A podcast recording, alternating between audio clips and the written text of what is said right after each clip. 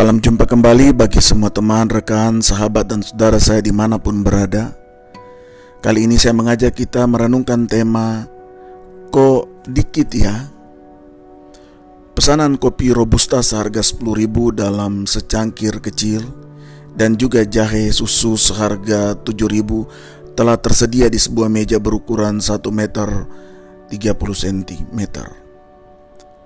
Kok kopinya dan jahe susu sedikit banget airnya? Kata Fandi sambil tersenyum. Lalu kakaknya Karisa berkata, De, jangan-jangan pesanan Indomie kita satu dibagi jadi dua lagi. Sambil tersenyum kedua anak kami di pagi ini di hutan Pinus Sentul 31 Oktober 2020. Duduk santai di bawah pohon pinus dan beberapa pohon yang rimbun, Angin yang berhembus pelan dari lembah ke gunung ini terasa indah, nyaman, dan sejuk di pagi itu. Namun senyum di wajah ini tak henti-hentinya mengingat percakapan tadi dari dua anak kami. Selama ini tidak pernah terdengar komentar mereka mengenai makan minum setiap kali ketika kami dapat kesempatan makan di tempat tertentu. Tetapi baru kali ini, mungkin saja karena mereka mulai tambah dewasa, Tubuhnya mulai bertumbuh dan porsi makanan pun tentu makin bertambah, sehingga komentarnya makin berani dan lucu. Demikianlah kata hatiku sambil tersenyum kembali.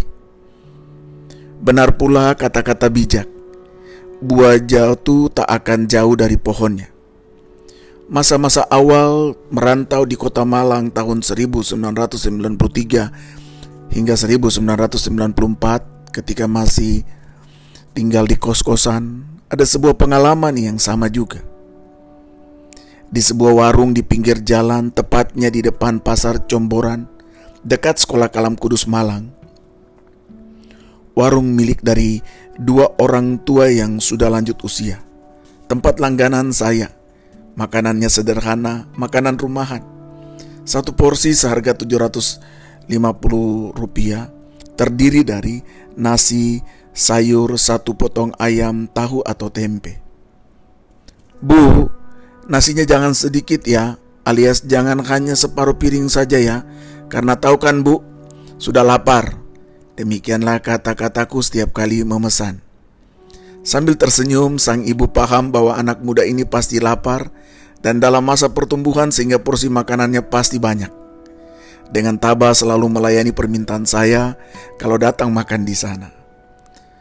Seringkali kata-kata candaan terungkap demikian saja tanpa direncanakan dan membawa suasana yang berbeda sambil tersenyum bahagia. Kata-kata yang spontan keluar sering kali sesuatu yang asli dan tersimpan dalam benak dan akan keluar ketika berjumpa dengan situasi yang tepat baginya. Candaria adalah sebuah ekspresi hati yang natural dan menyegarkan. Kata-kata dan kalimat yang terkesan gokil sering menjadi bumbu penyegar hati untuk tersenyum dan tertawa bahagia. Allah pun pernah membuat Abraham dan Sarah tersenyum dan tertawa bahagia ketika Allah menepati janjinya memberikan anak kepada mereka di usia tua. Ketika Abraham berusia 100 tahun dan Sarah telah mati haid. Berkatalah Sarah, Allah telah membuat aku tertawa. Setiap orang yang mendengarnya akan tertawa karena aku. Kejadian 21 ayat 6.